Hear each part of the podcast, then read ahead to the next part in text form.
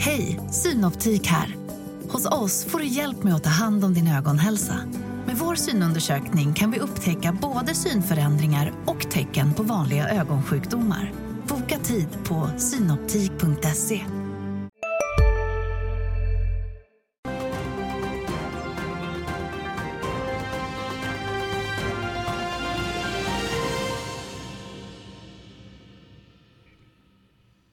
Det är onsdag den 10 maj. Välkomna till Börsmorgon. Asienbörserna tar rygg på Wall Streets nedgångar igår i väntan på eftermiddagens inflationsutfall i USA.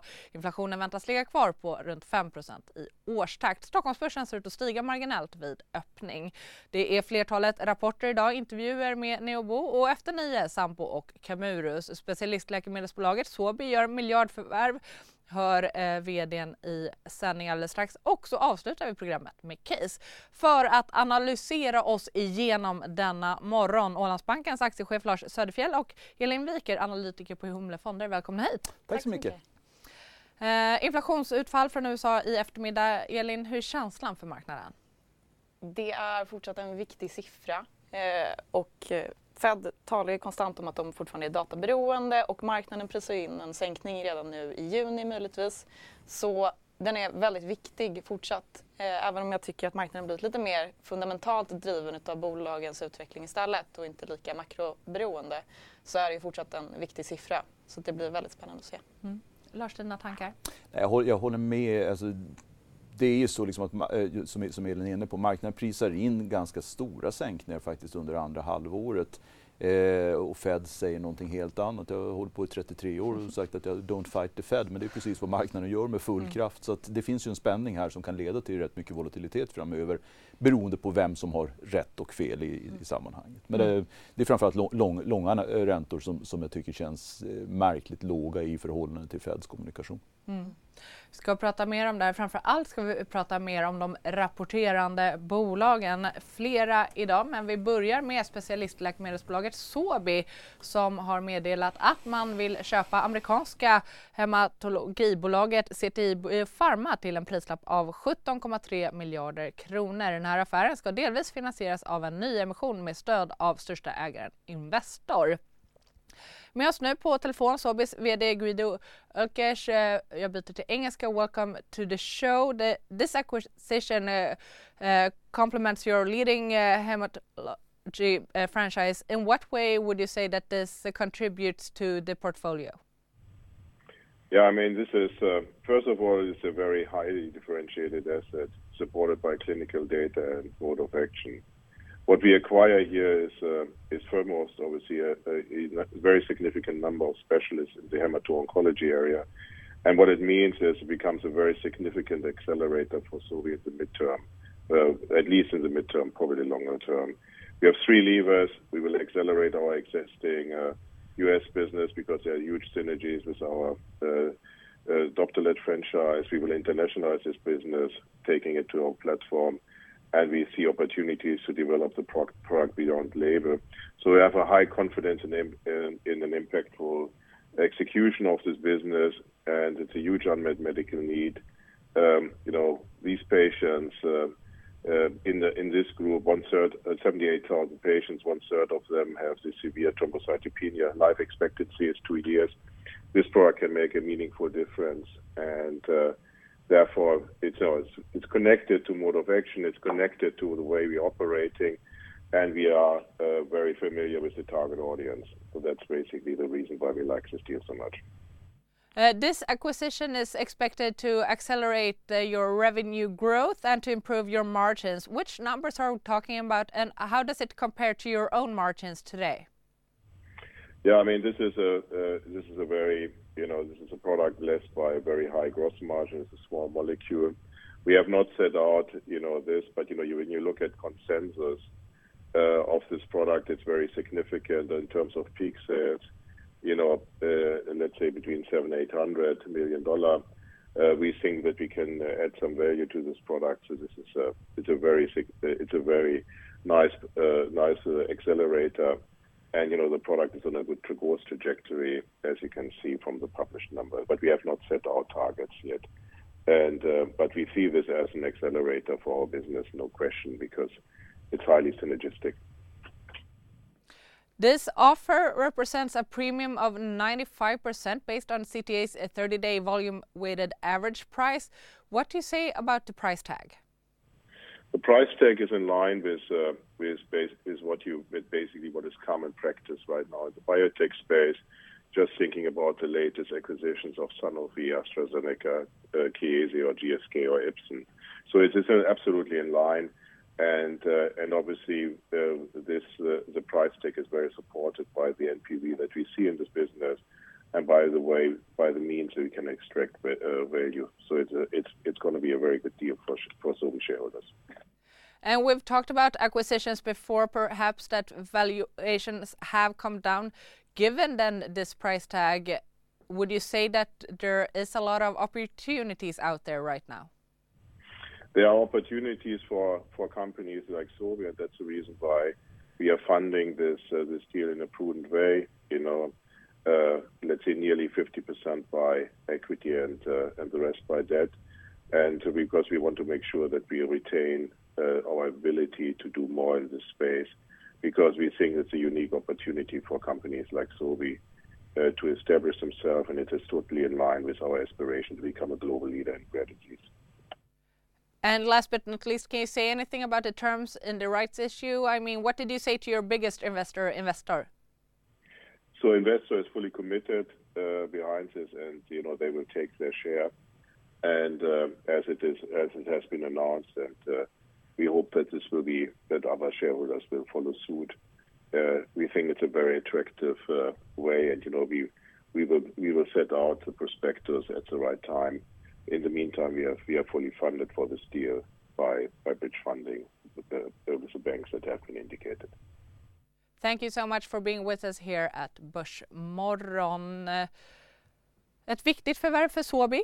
Ja, strategiskt så finns det ju inget att anmärka. Det är ju inom deras eh, huvudområde inom blodsjukdomar. Eh, på det sättet så är det säkert alldeles utmärkt. Sen som Guido säger i intervjun så är det också så väntas det bidra både till intäkter och marginaler. Det här är ju ett bolag vars intäkter ligger ganska långt fram i tiden. Jag tittar lite snabbt på konsensusestimaten här på morgonen och konstaterar att eh, idag så säljer de ju för ungefär 100 miljoner dollar men om 2026 så väntas då intäkterna från den här produkten Eh, genererar intäkter på runt 500 miljoner dollar. Och Det är väl liksom det perspektivet man måste ta. Eh, så att strategiskt finns det inget att anmärka på. Sen är det ju två saker som jag tycker man kanske ska ha med sig vad det gäller eh, Sobi-aktien. Det ena är att det har funnits en, kanske en förväntan i marknaden om att Sobi kan bli uppköpt. Där har det försök gjorts. Det har ju gjorts försök och också helt riktigt.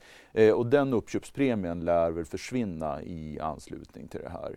Det andra som man kan notera det är ju att det är en företrädesemission. Vi vet inte riktigt på vilken nivå den kommer göras. Jag läste rätt, halva beloppet ungefär som ska finansieras via en Eh, ten, Man tenderar ju att sätta de kurserna ganska lågt för att få bred anslutning då från ägarna.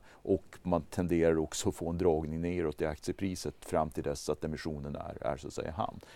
Strategiskt verkar det väldigt så att säga korrekt, och bra. Men Ska vi säga något om den här premien också? 95%, det kanske säger något om värderingen i sektorn också tänker jag.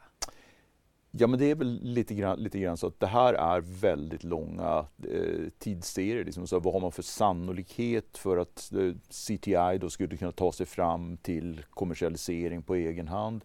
Vad blir effekten av att man tar in det här i ett kanske ett större nätverk? Eh, det finns ju massor med synergier, inte minst på intäktssidan, när man gör den här typen. Man köper in ett preparat och pluggar in en ny organisation. Det är ju rätt många stora läkemedelsbolag som driver den strategin också.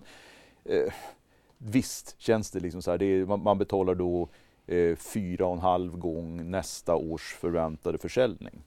Ja, det är mycket. Det vill ju verkligen till att den här produkten lyfter också. De har säkert gjort sin due diligence. Jag äger inga Sobi själv, men jag tycker det är lite för komplicerat. Det är väl ganska många som tycker. Det vet man ju själv att det är så himla många olika projekt inom så himla många olika områden. Vad säger ni, ska vi lämna Sobi då? Ja, vi kan ju också bara lägga till att Sobi, vi pratade om det tidigare, har ju inte haft det bästa ryktet av sig när det kommer till förvärv. Samtidigt har man ju förväntat sig någonting åt det här hållet sedan en tid tillbaka. Man hoppas väl att nu de har lärt sig från sina misstag tidigare och att det här är är någonting riktigt bra. Eh, det är också på temat av mer transformativa emissioner till skillnad från de som måste ta in pengar för att jobba med sin balansräkning istället. Eh, så det blir intressant att se hur marknaden reagerar på det här. Mm. Men det kan då ändå vara positivt just att det är mer av en transformativ emission mm. snarare än... En transformativ är alltid bättre skulle jag säga än en där du är tvingad till att stärka balansräkningen. Samtidigt så måste det ju transformativ också vara någonting positivt för bolaget i, i det längre loppet. Mm. Ska vi prata om ett annat bolag då, som har varit väldigt mycket i fokus de senaste dagarna. SBB eh, som ju eh, meddelade här i början av veckan att man drar tillbaka sin eh, nyemission. Rasade ytterligare 24 procent igår, handlas nu på fem års lägsta. Absolut. Så, så, så var det. det, det, allt, allt korrekt. korrekt. Men, ja, men, men, hur ska SBB göra då för att få in pengar? Jag ser väl inte mycket andra. Alltså det finns ju egentligen, egentligen två varianter. Eh, ett, sälja fler fastigheter. Mm. Två, göra en företrädesemission på väldigt, väldigt attraktiva nivåer. Eh, men som förmodligen gör att befintliga aktieägare då blir ganska rejält utspädda. Mm. Men kan man göra det när aktien liksom har rasat nästan 40 procent på två dagar? Tveksamt, skulle jag säga. Man, man, måste åtminstone så att säga, eh, göra tror jag, någonting mer på, på fastighetsförsäljningssidan för att man ska ha en möjlighet att, att, gör, att göra en sån Det är ju liksom en, en, situation för SBB där man säger att 2023 är ju inget stort problem vad, vad det gäller obligationsförfall. Det kommer de kunna möta och hantera. Utan det är mer vad som händer på åren efteråt, 2024 2025, då så att säga, man, man har, har en, en del förfall som man måste möta. Så man har ju lite tid. Eh, men det man har gjort hittills det har egentligen inte förändrat, alltså löst problemet med att skjuta på, ut, på, på, på utdelningsutbetalning. Det är som bara att man då skaffade lite mer tid mm. och, och, ganska små belopp i sammanhanget också. Utan du, du måste göra, göra ett större omtag på det det finns ju, SBB säger, och jag hade inte sagt någonting annat heller om jag hade varit dem, så här, till exempel JM-posten. Kan det vara läge för att placera ut den där? Det hade varit en eh, sak som man, skulle kunna göra. Eller kanske sälja an, andra tillgångar. För det är rätt uppenbart liksom att så, både på obligationsmarknaden och på aktiemarknaden så att om inte de här gör någonting så kommer de att få ganska ordentliga problem under 2024 och 2025. Mm. Jag tänker att eh, Ilja var ju väldigt aggressiv under tidigare år och är handel, handlingskraftig. Så det blir bara en omställning och kanske hade behövt vara det också när räntan går upp på det här sättet. Eh, och som Lars säger, det är ju småspararna som är de som verkligen förlorat i det här och de som kanske känner sig lite lurade också med tanke på all den kommunikationen som har varit. Eh, men eh, rädda det som räddas kan. Man får helt enkelt, det krävs ju ett stort ordentligt omtag kring mm. det hela. Mm. Uh, och, ja. Ja, men fin, finns det en, egentligen något annat bolag än Investor som har lika många småsparare? Det är ju liksom över 300 000 aktieägare i SBB. Mm. Uh, hur är förtroendet för uh, Ilja Batljan? Ja men just nu så är det ju helt klart, och det ser du ju också i aktiekursen, att det är ju så att säga väldigt, väldigt, väldigt så att säga, eh, skadat eh, i, i det här läget. Eh, och det är så, han har ju sagt det att vi, utdelningen är helig, vi höjer den snarare än att, än, än att sänka den eller ta bort den. Och så kom, tvingar då styrelsen fram liksom att vi måste åtminstone skjuta på, på det här. Jag tror faktiskt inte att man kan eh, så att säga, dra tillbaka en, en utdelning när man väl har fastställt en vinst, vinst, vinstdisposition. Mm, om jag kan, kan min juridik no, no, någorlunda rätt. Eh, men det här är ju liksom en tanke som om man tittar på vad som händer och inte minst hur D-aktien eh, utvecklas så säger man att den, det är väldigt osannolikt att man kommer att fortsätta att betala utdelning under kommande år. Eh, just med tanke på hur, hur D-aktien har, har, fallit. Den ska ha fem gånger A och B-aktiens utdelningar, så det berättigar till, till, till det. Eh, och, och, ser, man just på, på kursutvecklingen där så säger, säger marknaden att det tror inte vi kommer att hända. Mm. Eh, vi har ju också fått eh, rapport från eh, SBB-avknoppningen Neobo eh, mm. denna morgon. Eh, bolaget redovisar ett förvaltningsresultat på 29 miljoner kronor under första kvartalet vilket var en minskning från 36 miljoner under samma period året innan. Hyresintäkterna summerades till 214 miljoner kronor att jämföra med 209 miljoner. Driftnettot det steg till 98 miljoner kronor. En intervju här med VD finns på vår sajt. Här har man en snittränta på 3% fastighetsvärdena skrivs ner igen. Jag tänker att det som händer i SBB, hur mycket spiller det över till, till resten av sektorn? För vi har ju sett aktiekurser pressas här senaste dagarna. Det syns ju väldigt tydligt i att det är en eh, fastighetsrädsla just nu. Det är mer att eh, det blir sektorspecifikt än bolagsspecifikt. Det finns ju många bolag som redan löser sina finansieringar och liknande men de handlas ändå ner eh, en hel del på grund av att det, det råder en viss rädsla skulle jag påstå. Mm. Vi ska prata mer rapporter alldeles strax men tiden eh, springer iväg. Klockan har slagit nio. Marknaden öppnar. Sofie Gräsberg står redo för att ta oss igenom starten av denna handelsdag.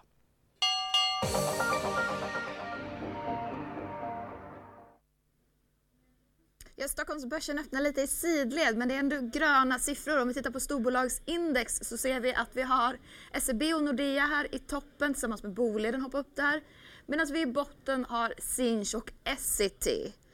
Och vi ska ju givetvis ha lite koll på SBB idag som igår gjorde bolaget den största rasen på bolagets historia.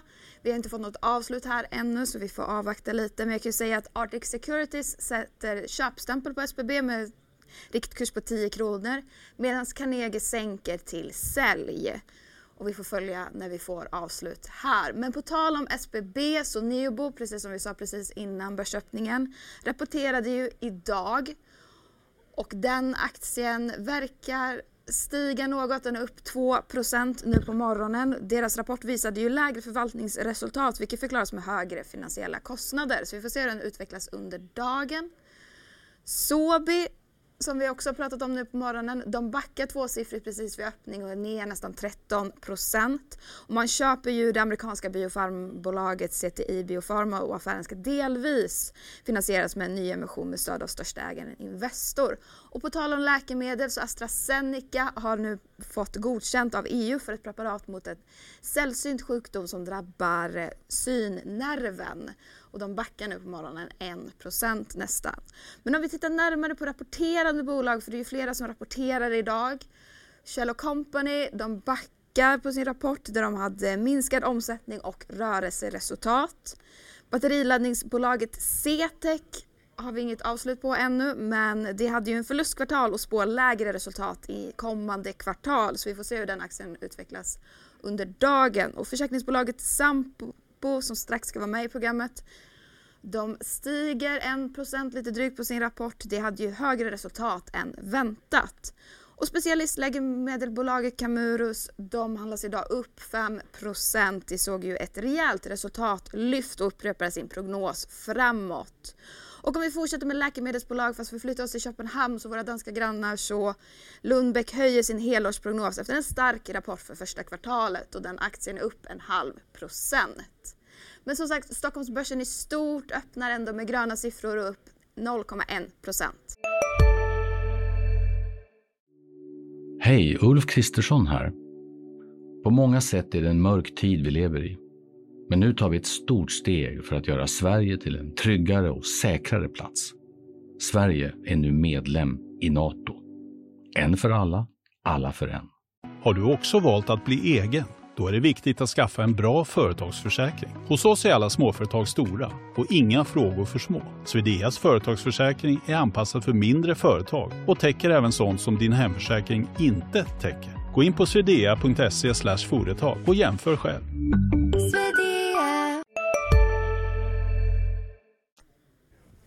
Mm, tack för det Sofie. Lite blandade reaktioner här. Vad, vad tar ni med er från börsöppningen? En av mina största positioner är Sampo och jag, jag gläds förstås av att den, den, den, går upp på rapporten som jag tycker ser ut att vara ganska stark. Framförallt på det här viktiga nyckeltalet combined ratio, alltså sammant, sammantagna kostnadsprocenten som är en 150-160 punkter bättre än vad man har räknat med.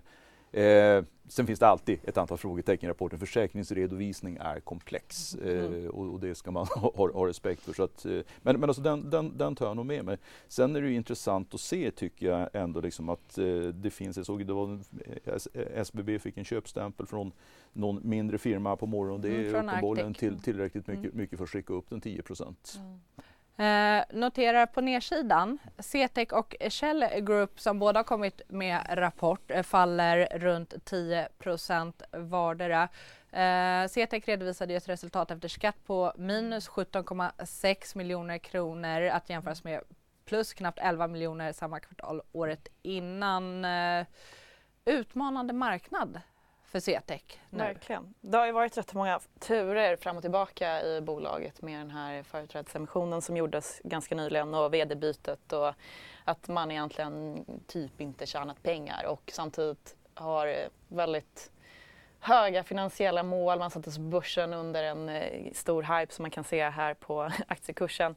Eh, men sen så har du ju en stark ägare som ändå har kunnat garantera den här emissionen och ehm, ja, den hade väl kunnat falla ännu mer om det inte var för, för, för dem. Eh, I övrigt så tänker jag ju att det är en svagare konsument och sen så har du också byggsektorn som går dåligt. Mm. Så ja, nej, det är lite jobbigt samtidigt som konkurrenten Easy fick ju försäljningsstopp vilket man tänker att de borde ha gynnats av det på något sätt. Ja, men, och jag ställde faktiskt den frågan mm. till VD och, och, han sa att kanske på marginalen att, att det påverkar mm. CTEC positivt. Men apropå då, pressad konsument, även Shell kommer med en rapport som mm. var sämre och där försäljningen sjönk med 6 i kvartalet samtidigt som bruttomarginalen stärks. VD här vågar inte ge en guidning för helåret mm. och vi har fått detaljhandelssiffror idag som tyder på, på att svenska hushåll fortsätter att ha det tufft. Mm. Jo, nej, men det är väl ingen överraskning givet så, så här, ränteuppgång och givet vad vi haft på, på energisidan och så att säga, inte minst tidningsrubriker om att eh, världen kommer att gå under när som helst. Men, men eh, där, med, med, med, det sagt, jag tycker att många av de här konsumentbolagen, ja, uppenbarligen så, så här, har de jobbigt med volym, jag tycker ändå de gör det rätt bra när det, vad det gäller att kontrollera lönsamheten.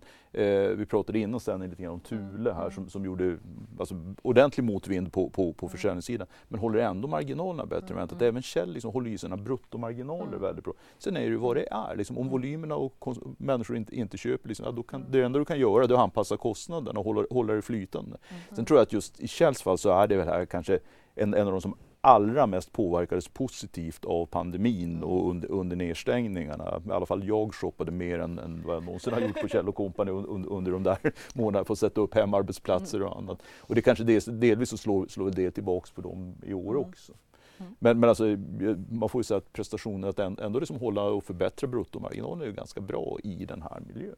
Mm. Man hoppas ju på att det här är ett bolag som ska vara mer need to have än nice to have. Mm. Att eh, du går dit för att du behöver saker och du måste köpa den här laddsladden och du behöver den här grejen för att det här har gått sönder.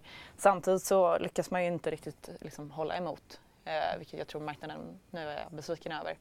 Eh, och bruttomarginalerna, eh, det är ju egna varumärken som man lyckas växa försäljningen. Mm. Men eh, det räcker inte. Nej. Men en rapport som verkar räcka i alla fall idag för marknaden det är försäkringskoncernen Sampos rapport. Bolaget stiger 1,5 procent på Stockholmsbörsen. Bolaget redovisar ett resultat före skatt för första kvartalet på 359 miljoner euro. Eh, det här var bättre än väntat. För If, som eh, många svenskar känner till, så var resultatet föreskatt 337 miljoner euro mot förväntade 276 miljoner och eh, totalkostnadsprocenten för If för kvartalet var 82,4 procent. Målet för Sampo för 2023 är en totalkostnadsprocent för If på under 85 procent. Med det sagt, välkommen in till sändning Torbjörn Magnusson, VD på Sampo. Hur skulle du säga att det andra kvartalet som parallellnoterad på svenska marknaden varit, eh, men första kvartalet då sett till räkenskapsåret? Vi har ju ett eh, superstarkt kvartal och sen är vi en verksamhet också som kan erbjuda lite stabilitet i eh, oroliga tider. Eh, som, eh, som någon nyss sa här i sändningen, det, det är ju ett need to have. Man köper försäkring, kanske särskilt när man har tider som är lite mer turbulenta eller volatila som de är just nu och det gäller i Norden och det gäller i England där vi är verksamma. Så att eh, ett superbra kvartal, superstarka siffror och eh, roligt att kunna få lägga fram det. Mm. Och hur påverkas ni av det högre ränteläget som vi pratar så mycket om? en kombination för oss. Vi tjänar lite mer pengar på räntor. Inflationen är högre, men vi har väldigt långa avtal med våra leverantörer. Det är byggfirmor, bygg, byggmaterial. Det är också eh, reparationer av bilar. Vi har långa avtal så att vi eh, drabbas inte av en eh, av kraftiga plötsliga förändringar i inflationen i det är något högre inflationsläge. Samtidigt så har vi lyckats höja våra premier något mer än så. Att vi påverkas på flera fronter, men inte så plötsligt som en del andra branscher, utan långsiktigt och på ett positivt vis. Mm, som du sa att ni är något mer av ett need to have än nice to have. Hur går nyteckningen av skadeförsäkringar? Det går väldigt bra. Eh, vi har en tillväxt eh, som är lite kraftigare kanske än vad många bolag har och vad vi har haft historiskt till och med. Jag är väldigt glad att se att vårat företagserbjudande tas emot. Vi har introducerat internetförsäljning och internetservice för företag i skadeförsäkring och det är nytt i Norden och vi har en enormt snabb tillväxt där. Ser jättekul ut. Det finns ju ett förslag att finansbolaget Mandatum ska separeras från koncernen. Det här beslutet ska tas på stämma i nästa vecka, men jag undrar ändå hur går det här arbetet? Det löper som det ska. Vi siktar ju på en split, eh, att splitta ut Mandatum under hösten och eh, eh, hoppas att bolagsstämman tar det beslutet. Jag hoppas och tror att stämman kommer att ta det beslutet nästa vecka. Då är Sampo efter det ett helt renodlat skadeförsäkringsbolag med samma typ av verksamhet i de marknader där vi är aktiva. Det är många av våra ägare som uppskattar. Vi är ju nästan där i dag, men jag ser fram emot nästa veckas beslut också. Torbjörn Lasse Söderfjell här, hej.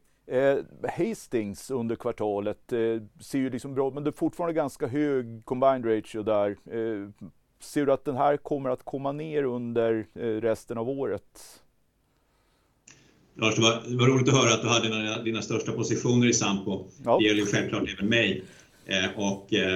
Ja, Hastings opererar bara på den digitala engelska försäkringsmarknaden, har en väldigt stor bilportfölj och i England har de haft någonting som vi kallar för vinter och de är inte vana vid det. Eh, och eh, Därför ligger deras combined ratio lite högre efter första kvartalet. Eh, jag misstänker starkt att vi inte kommer se någon vinter i England under Q2 eller Q3.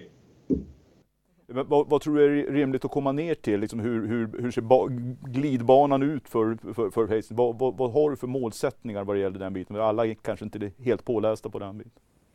Nej, vi har ett mål som är 88 procent, då, där vi ligger kring 93 nu och eh, för helåret och det står vi fast vid. Det är lite en annan struktur på den verksamheten så att det målet på 88 ger ungefär samma avkastning som målet på under 85 för den nordiska verksamheten. Jag vill också fråga om er Solvens II-kvot som mäter finansiell styrka. Det här överraskade på nedsidan sist. Hur går det nu? Ja, det går ju fint. Vi ligger ju en bra bit över vårt målintervall. Vi har ett målintervall för det här tekniska nyckeltalet på 170-190 och vi ligger på 208 inklusive intjänad utdelning. Vi är jättestarka finansiellt just nu. Sist men inte minst, ett av målen med den här parallellnoteringen var ju att bli mer svenska, mer synliga på den svenska marknaden. Hur tycker du att det här går? Jag tycker det går bra. Vi får ett väldigt stort intresse. Det är ett långsiktigt arbete. En sak som var kul kanske i Sverige var ju att vi är en unik tillgång. Det finns inga andra stora försäkringsbolag eh, som är börsnoterade. Samtidigt så finns det ju då den uppgiften för oss att vi måste utbilda människor i försäkring. Det är inte så att försäkring är jättekomplicerat, men jag tror att du hade någon liten kommentar om att försäkringsredovisning är en aning komplicerat. Ja, alltså det som har hänt är att redovisningsprinciperna för försäkring förändrades lite grann i början på det här året. Det hände vart tionde år. Det händer inte nästa kvartal och inte kvartalet efter. Vi får en liten utbildningsomgång, eh, men eh, de enkla nyckeltalen, Vår eh, operativa verksamhet gav 20% mera, 21% mera vinst. Vi hade en vinst före skatt som ökade med 30%. Inget av det där har förändrats på något väsentligt vis. Men Vi jag tycker det är jättekul att vi har ett ökat intresse och får flera möten i Sverige hela tiden. Stort tack Torbjörn Magnusson för att du var med här i Börsmorgon. Lars, du hann ju kommentera rapporten redan innan den här intervjun, mm. men, men, känner du att Torbjörn ger de svaren ja, du ab, eftersöker ab, ab, som ab, Absolut, så jag, jag, jag, ty jag, tycker det här är en bra rapport och, och jag, man kan, axlarna sjönk ner lite, lite grann när jag såg det på, på skärmarna för vi har faktiskt ganska mycket, 5-6 procent sampo i, i portföljen. Eh, det här är ju ett bolag som man funderar lite, lite mer på vad nästa steg är. Liksom, nu gör man den här renodlingen, man separerar mandatum, man säger att man ska sälja de här private equity-bolagen som, som finns kvar eh, här i, i samband, samband med det. Eh, och sen, liksom så här, ja, vad gör man? Man genererar väldigt mycket kassaflöde. Eh, det finns en begränsning för hur mycket man kan växa på den nordiska marknaden. Eh, förvärvet av Hastings i England är ju liksom säkert, säkert att säga vettigt, men det, jag i alla fall upplever en viss osäkerhet. Jag skulle helst se att man inte eh, gör ytterligare förvärv och det har man också sagt vid ett antal, antal tillfällen. Utan man håller sig till sitt postnummerområde och försöker bygga verksamhet och framförallt skickar tillbaka mycket pengar till, till, till ägarna. Ja, för det var det som, vad ska man göra med allt kassaflöde då? Köpa tillbaka aktier mm. och dela ut. Mm. Hur tycker du att uh, synligheten är här i Sverige? Intresset för aktien är inte jättestort. Ja, vi, är, vi handlar ju den finska ja. aktien, eh, men det kan ju bero på att jag sitter på en finsk bank också. Men, det, men likviditeten är, är, är, ju, är ju inte, inte vansinnigt bra. Eh, sen märker jag, för jag springer ju också på deras bolagspresentationer så här löpande, att det är ett intresse från, mm. från svenska institutionella placerare. Men jag tror att väldigt många tittar på var är det lättast att handla aktien. Det är, det är lättast att handla på Helsingforsbörsen. Det här tar ett tag innan, innan det har så att sjunkit in. Men jag tror mm. det är bra att så man ska inte vara orolig? Nej, det, det, det, det, tror jag, tror jag inte. Det, är bara att gå tvärs över Östersjön så har du hur mycket likviditet som helst. Right.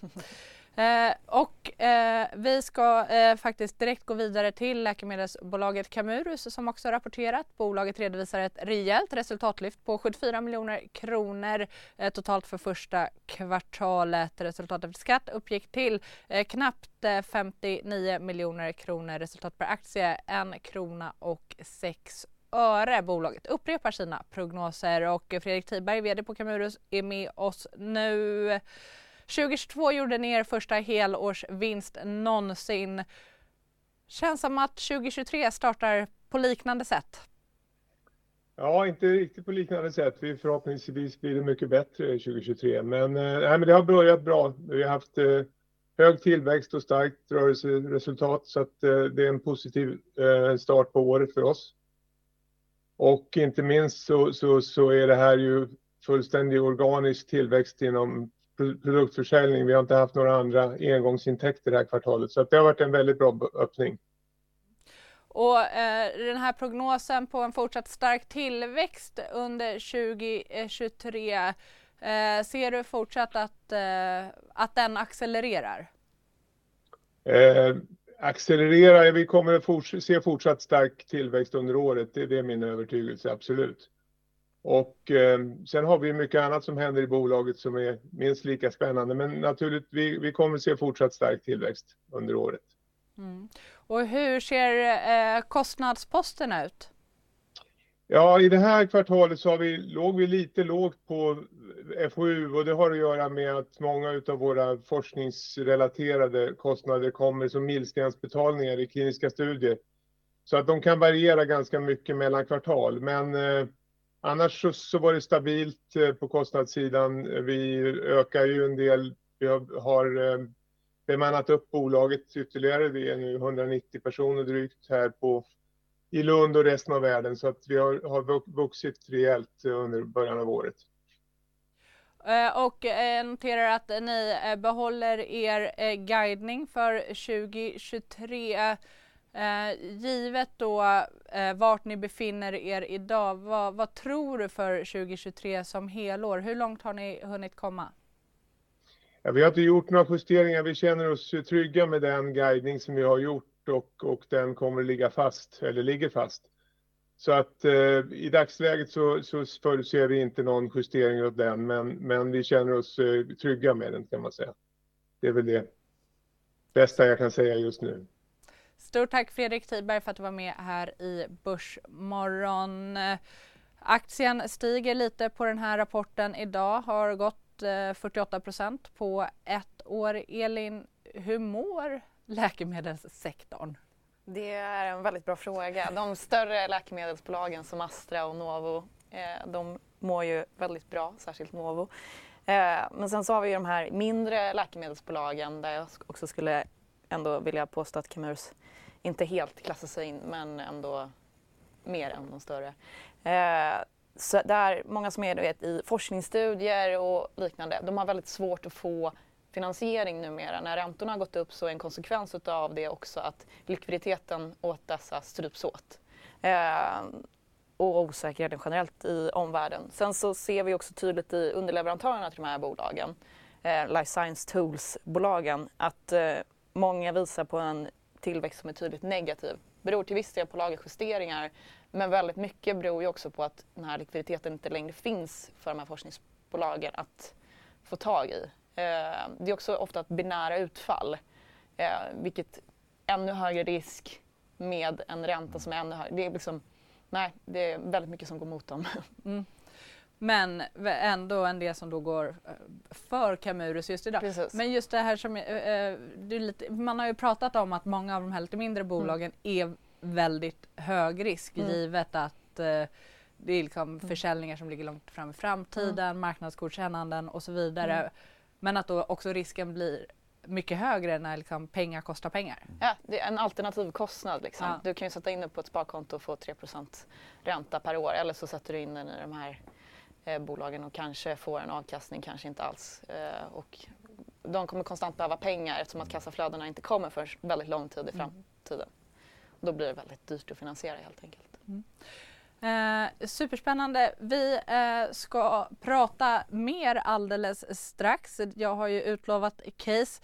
Vi ska också analysera rapportsäsongen så här långt. Eh, men innan vi gör det så vill jag att vi går ut till Sofie Gräsberg igen för att stämma av lite hur eh, dagens rapporterande bolag eh, utvecklar sig. Ja, det är allt muntrare på Stockholmsbörsen som är upp 0,3 procent. Men innan vi kommer till de rapporterande bolagen så kan vi titta på storbolagsindex där vi ser att SBB rekylerar rejält och upp nästan 15 procent nu på morgonen.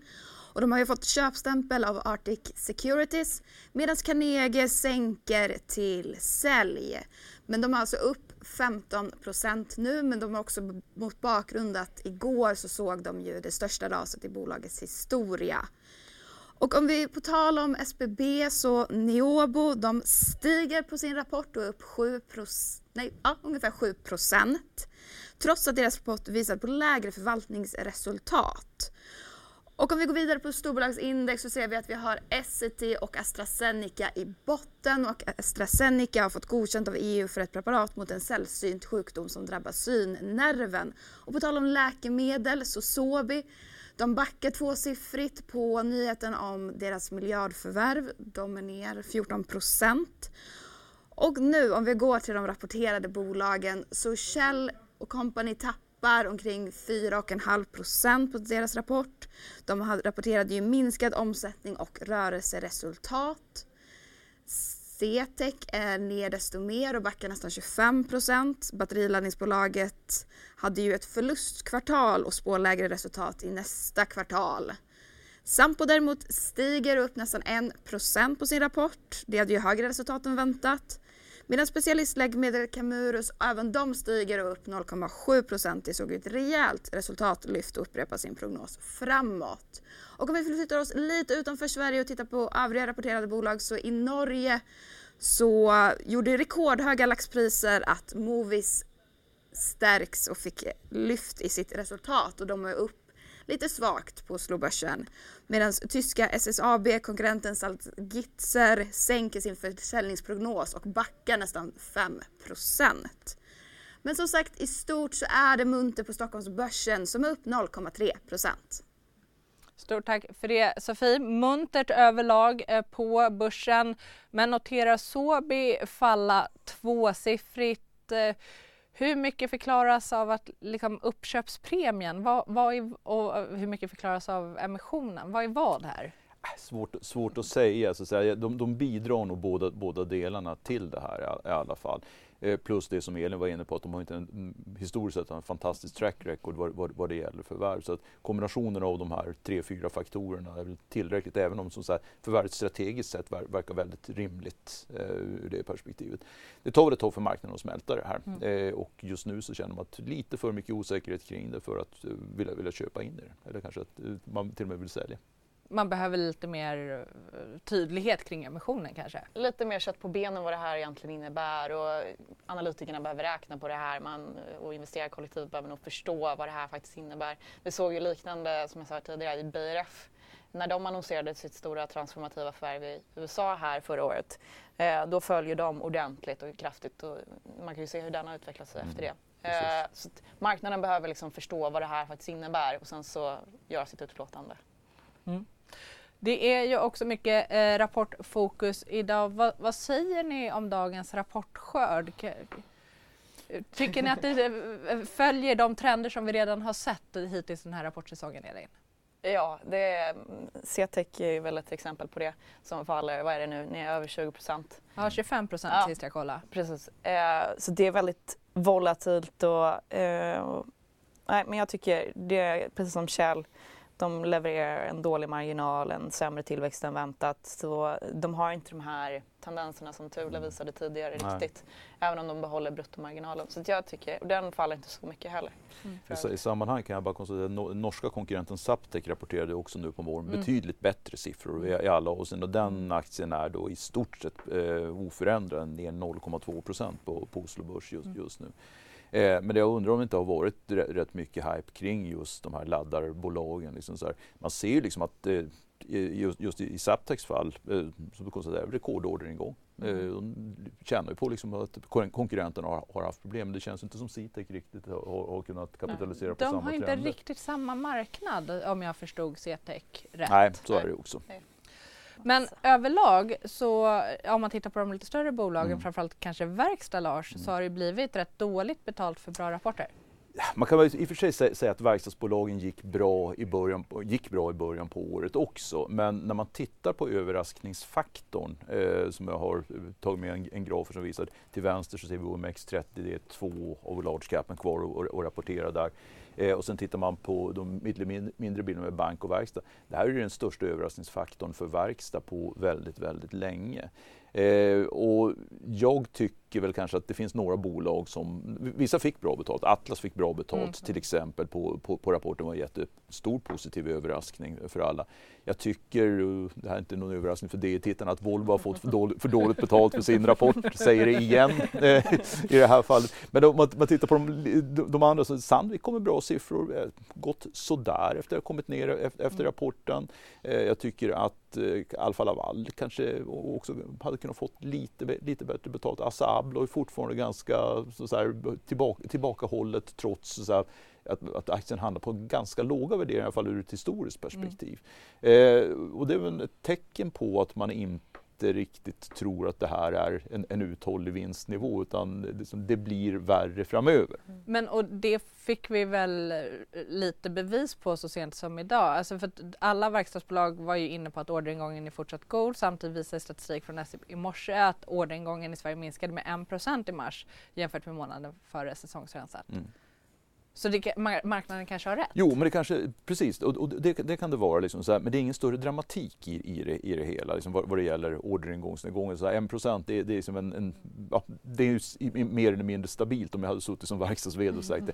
Och det är, och det är, det är också så en, en, fråga om volym kontra pris i, i det fallet. Det man har sett i de här rapporterna är ju att prisrealisering, alltså de, de, priser som man får in och som man har, prishöjningar som man gjort under 2022, de får en väldigt stort genomslag på, på tillväxten här i början på det året. Eh, jag satt och lyssnade på Metsos eh, conference call här i förra veckan och var en analytiker som frågade men hur mycket har ni höjt priserna? 10, 15, 20 procent? Siffran är högre än alla de siffror som du nämnde. Och det, det var, var, det lakoniska svaret. Mm. Eh, men alltså det, det, finns väldigt mycket. Och det här, så, så, så länge volymen håller i sig hyggligt, så länge eh, så investeringskonjunkturen ser bra ut, så finns det ingen anledning att släppa ner priserna. Jag tror att de som är oroliga för 2023-resultaten eh, oroar sig i onödan. Däremot är jag själv mer fundersam kring vad händer under 2024? Hur kommer det då att se ut? Eh, nu är orderingången bra men det skulle förvåna mig jättemycket om vi inte ser en avmattning i orderingång här inne under andra halvåret framför allt. Och då går man in i nästa år på lägre nivåer än man gick in i 2023 och som, samtidigt kanske att man, man ser att de här priseffekterna börjar vad ska man kalla det för, rinna av lite, lite grann. Då kan det bli lite mer utmanande. Eh, men, men det, det, det, är som sagt, jag kan tycka liksom så att det är inte direkt utmanande värderingar på många av de här bolagen. Eh, framförallt inte de här som är lite mer så här konjunkturkänsliga, till exempel Sandvik, Trelleborg, Volvo med flera. Och då, Ja. Så, så det är köpläge nu men kanske säljläge inför 2024? ja, men, säg, säg, så här, vi har väl inte adderat på mer. Vi hade en liten övervikt på verkstad och haft det under det här året i, i, i, portföljen. Det har funkat ganska bra och sen så då hoppas man alltid på att man ska få lite mer betalt. Jag mm. tycker mm. väl, sagt, det finns några rapporter som jag tycker inte har eh, slagit igenom fullt mm. ut. Men om man då tittar på de lite mindre bolagen så har man väl fått rätt bra betalt för ganska dåliga rapporter? Ja, eh, det är den här lite motsatta effekten. Men jag tror att det handlar väldigt mycket om förväntansbilden. Till exempel, vi har pratat Thule här nu några gånger eh, och du har ju Thule då som har eh, levererat liksom jättedålig rapport om jag får säga det själv. Mm. Men marginalerna är ju betydligt bättre än vad analytikerna har förväntat sig. Vilket visar på vilken uthållig ändå affärsmodell som Thule lyckats skapa sig och effektiviseringarna som de har gjort. Och det vi ser här kan jag bara säga att här ser vi Industrials versus small cap, mm. hur, hur det har gått mm. här i år. Precis, sen så gick det ju totalt åt andra hållet förra, förra året. Ja. Eh, men ja, dåliga rapporter har fått väldigt bra betalt för att de har inte varit lika dåliga. De man har redan sett ett haveri i aktierna. Det finns liksom en, en botten som har satts. Mm. Eh, där man förväntar sig att 2024 kanske blir det lite bättre. Du får åtminstone se en positiv tillväxt för att 2023 är så otroligt dåligt. Mm. Det har ju varit ett väldigt, väldigt tryck på de små småbolagen. Mm. Framförallt är det något som vi har observerat. Mm. Jag, jag bara, vi har ett nordiskt benchmark men mm. jag konstaterar att large cap är upp 8,5 procent på, på ett år. Small mm. cap är ner 1 procent. Mm. det är 9 procents eh, outperformance ja. för de stora bolagen generellt. Mm. Så allt handlar egentligen om vilken sikt man tittar på och jämför här. Men, men vad ska vi ta med oss härifrån då? Hellre min mindre dåligt än förväntat snarare än att slå estimaten på uppsidan? Jag skulle säga ändå liksom så att resultaten, bolagen har levererat bättre än väntat. Det, det är som svårt att säga. Sen finns det alltid undantag, men så generellt sett så har bolagen eh, levererat bättre resultat bättre tillväxt och bättre marginaler eh, i, i, många fall. Man, och man ser ju framförallt i de tillverkande bolagen det är ju att den här operativa hävstången då börjar komma igenom. Det som man har väldigt stora problem med att se under, under 20, mm. hela 2022.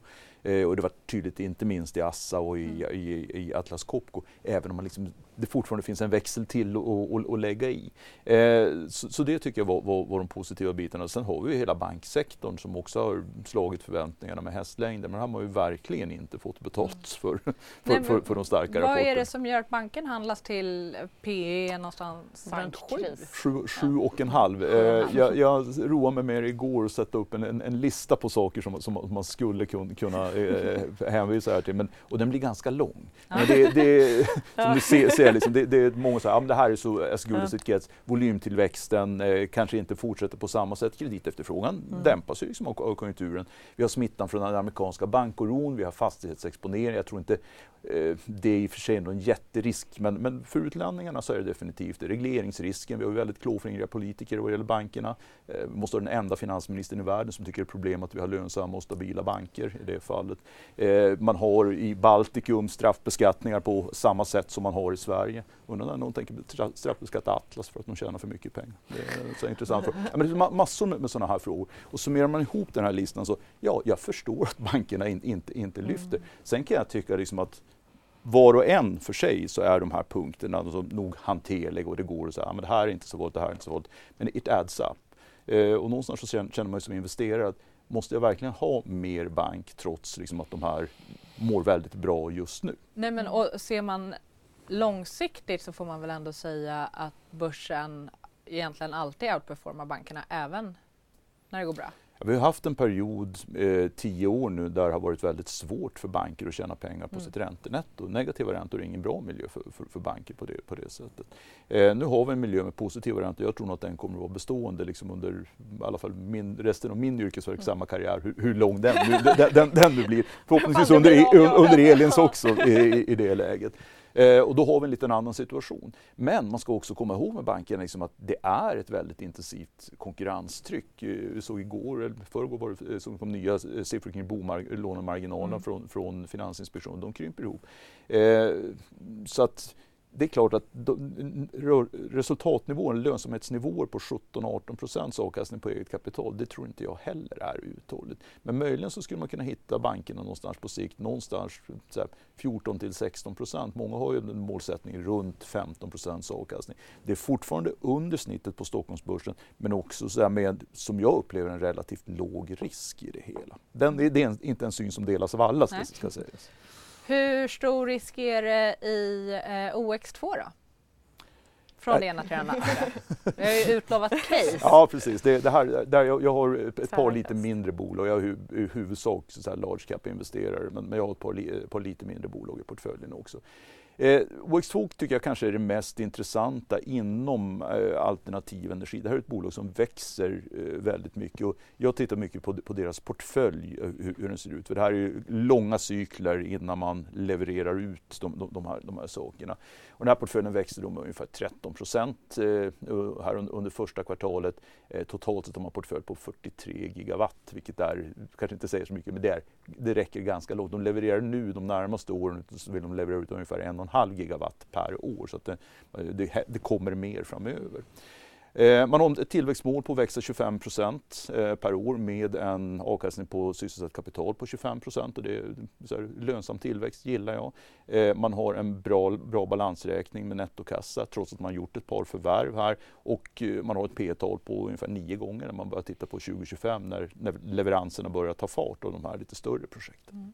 Men samtidigt så tänker jag att till och med marknadsledaren Vestas har svårt att tjäna pengar. Mm, men det här är ju inte, inte så en turbintillverkare, det här Nej. är ju en projektutvecklare. Eh, och det är, liksom, vi har tittat igenom vär, hel, hela, hela värdekedjan. Ja, det är, liksom, eh, du har Vestas en, å ena sidan, du har Örstedt å andra sidan som opererar de här parkerna och du har OX2 i, i mitten som, som bygger och utvecklar och ser till att projekten kommer på plats i det fallet. Eh, jag tycker att de gör ett väldigt bra jobb. De har en väldigt bra träffsäkerhet eh, vad det gäller att leverera på projekten. De är så stora så att de har en så pass bred projektportfölj. Eh, det är ju inte bara så säga, landbaserad vindkraft, det är den stora biten just nu, men det blir mer med havsbaserad vindkraft och, det, och inte minst i södra Europa så blir det mer solparker som, som man bygger. Och nu har man då tagit sig in i Australien genom ett, vad jag ska kalla för ett plattformsförvärv som, som jag tycker lovar gott. Det är ju en ekonomi som är 70 procent fossilbaserad och som har ganska aggressiva mål för 20, 2030. Eh, då måste man bygga en hel del alternativ energi. Men vad säger du om aktien då? För att de har haft det tuffare än jämförelseindex. De har haft tuffare och inte minst eh, här på slutet. Det gjordes ju en placering. Altor sålde mm. ut sina resterande 8 och det var en av de sämsta placeringar jag sett på länge på Stockholmsbörsen. Eh, det var en så kallad båtdeal, det vill säga investmentbanken köpte aktierna av Altor och sen så mm. placerade de ut i sin tur. Jättedålig kvalitet i boken eh, och det gör ju att jag har aldrig riktigt förstått affärsidén att köpa aktier på 72,35 på måndagen och sen så säljer de för 70 kronor på tisdagen. Eh, men det finns rätt många flippar som, som gör på det sättet. Mm. Eh, och I det här fallet så, så har vi fått ett, ett väldigt tryck ner på aktien. Jag tror att det är, läge för att köpa. Mm. Vi har köpt lite mer i ja. samband med det här. Full disclosure. Ja, men då apropå att prestera sämre än index, kredithanteringsbolaget Intrum. Allt har inte gått bra i min portfölj under det senaste året. Om, om, om, tur att Sampo väger upp idag. Om, om, om, uttrycker det som så. Nej, men det här är ju ett, ett veritabelt haveri. Så så eh, marknaden skjuter in sig på den här höga skuldsättningen som, som bolaget har. De har 51 miljarder eh, kronor i nettoskuld. Eh, men det är väl rimligt att man tittar på det? Det är rimligt att man tittar på det men det är inget problem om man inte tänker växa. Och det hade varit problem om aktien hade stått i 250 kronor men nu står den runt 70 kronor och då finns det fasen i mig inga tillväxtförväntningar. Eh, grafen till höger klippte jag från deras, eh, deras Q1-presentation. Och det visar liksom bara vad de har för eh, möjlig, hur mycket kassaflöde de genererar. Det här är rullande 12 månaders och på det sättet, de har 9 miljarder i kassaflöde som de kan välja mellan att återinvestera i portföljerna, för de, i takt med att man inkasserar på portföljerna så krymper de ihop. Man kan betala av skulder och man kan dela ut pengar till aktieägarna. Eh, i, nu, i, förra året så ja, ungefär 6,5 miljard återinvesterar man i, i portföljer för att hålla back, den så kallade backbook intakt. Eh, stryp det ett år så har du e-, e-, egentligen inget skuldsättningsproblem. Ja, det blir lägre tillväxt eh, och då kanske du inte ska betala P 12 eller 13 för det här. Men du ska definitivt betala mer än, än P 5 för det. Jag gjorde en liten raggaranalys på den där eh, här, häromdagen. Så att man har kredithanteringssidan, eh, norra och södra Europa, som ganska stabil verksamhet, genererar lite drygt en och en halv miljard i, i rörelseresultat. Man borde kunna värdera det här ungefär som ett Securitas eller ett Loomis. Mm. Så här. Rätt stabila verksamheter men inte så spektakulärt. Då har du 15 miljarder, då är vi ebit 10. Och sen så har man då knappt 80 miljarder, 78,5 miljarder i eh, inkasseringsbara portföljer och man har 51 miljarder i nettoskuld. Så att det kostar 25 procent ungefär att driva in de här 78,5 eh, eh, miljarderna så har du fortfarande ett överskott på 7,5 miljarder i förhållande till nettoskulden. Så gör ingenting, återinvestera inte, offra till, lite tillväxt framöver och så rinner nettoskulden av. Och som sagt, jag kan förstå om, man, om det här är ett problem om aktien står i 250 för då måste du växa för att kunna motivera den värderingen. Men, men på 70 kronor eller 75 kronor, liksom så, där, så jag tänker sitta igenom det här. Mm. Och hur, hur stor risk ser du att det är så otroligt blankat? Ja, det är, det är otroligt blankat. Mm. Eh, man kan ju se det som en möjlighet också. Mm. det, jag, det, det jag helst skulle vilja se dock, alltså det, det jag tror att finns någonstans i bakgrunden, det är att om man kortar den här aktien eh, så har man en storägare, ett riskkapitalbolag, mm. eh, som kanske inte har gjort det allra bästa intrycket hittills som, som, som huvudägare. Eh, jag skulle gärna se liksom att den här posten hamnade hos en mer industriell aktör eller mer långsiktig ägare. Eh, för det tror jag skulle också göra väldigt mycket för, för bolagsstyrningen. Eh, jag tycker styrelsen och så här, huvudägaren har varit mer än lovligt passiva här, här under det senaste året. Så att det, det, finns mycket kritik att rikta mot bolaget men värderingsmatematiken är svår att komma runt i det fallet och jag tycker därför att det här är ett intressant case. Ja, ett intressant men ganska svåranalyserat case. Ja. Även om jag hörde din här eh, raggaranalys. eh, Elin, Tittar du på Intrum eller på OX2, någonting som du vill tillföra det här? Det är inga bolag vi äger eller kollat närmare på. Men eh, vi äger ju en del bolag som istället är underleverantörer till eh, olika delar av energisektorn. Eh, så de, vi gillar att äga underleverantörerna oftast. Det är oftast de som också återfinns i de mindre segmentet eh, av bolagsvärde.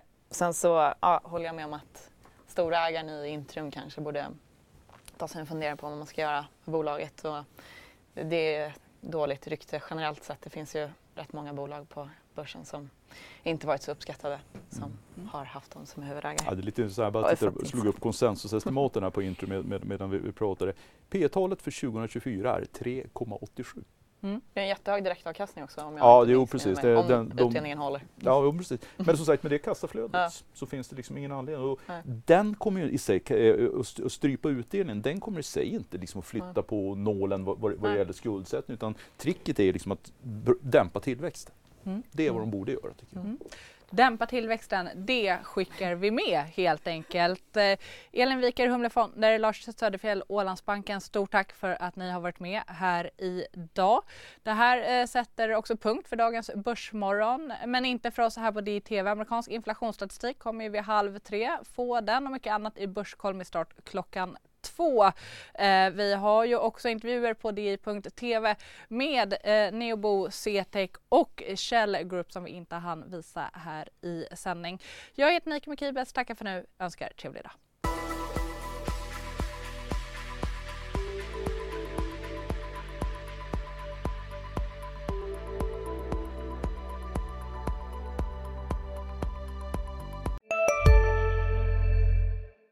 Hej, Susanne Axel här. När du gör som jag och listar dig på en av Krys vårdcentraler får du en fast läkarkontakt som kan din sjukdomshistoria. Du får träffa erfarna specialister, tillgång till lättakuten och så kan du chatta med vårdpersonalen. Så gör ditt viktigaste val idag, lista dig hos Kry. Välkommen till Maccafé på utvalda McDonalds restauranger med Baristakaffe till rimligt pris. Vad sägs om en latte eller cappuccino för bara 35 kronor? Alltid gjorda av våra utbildade baristor.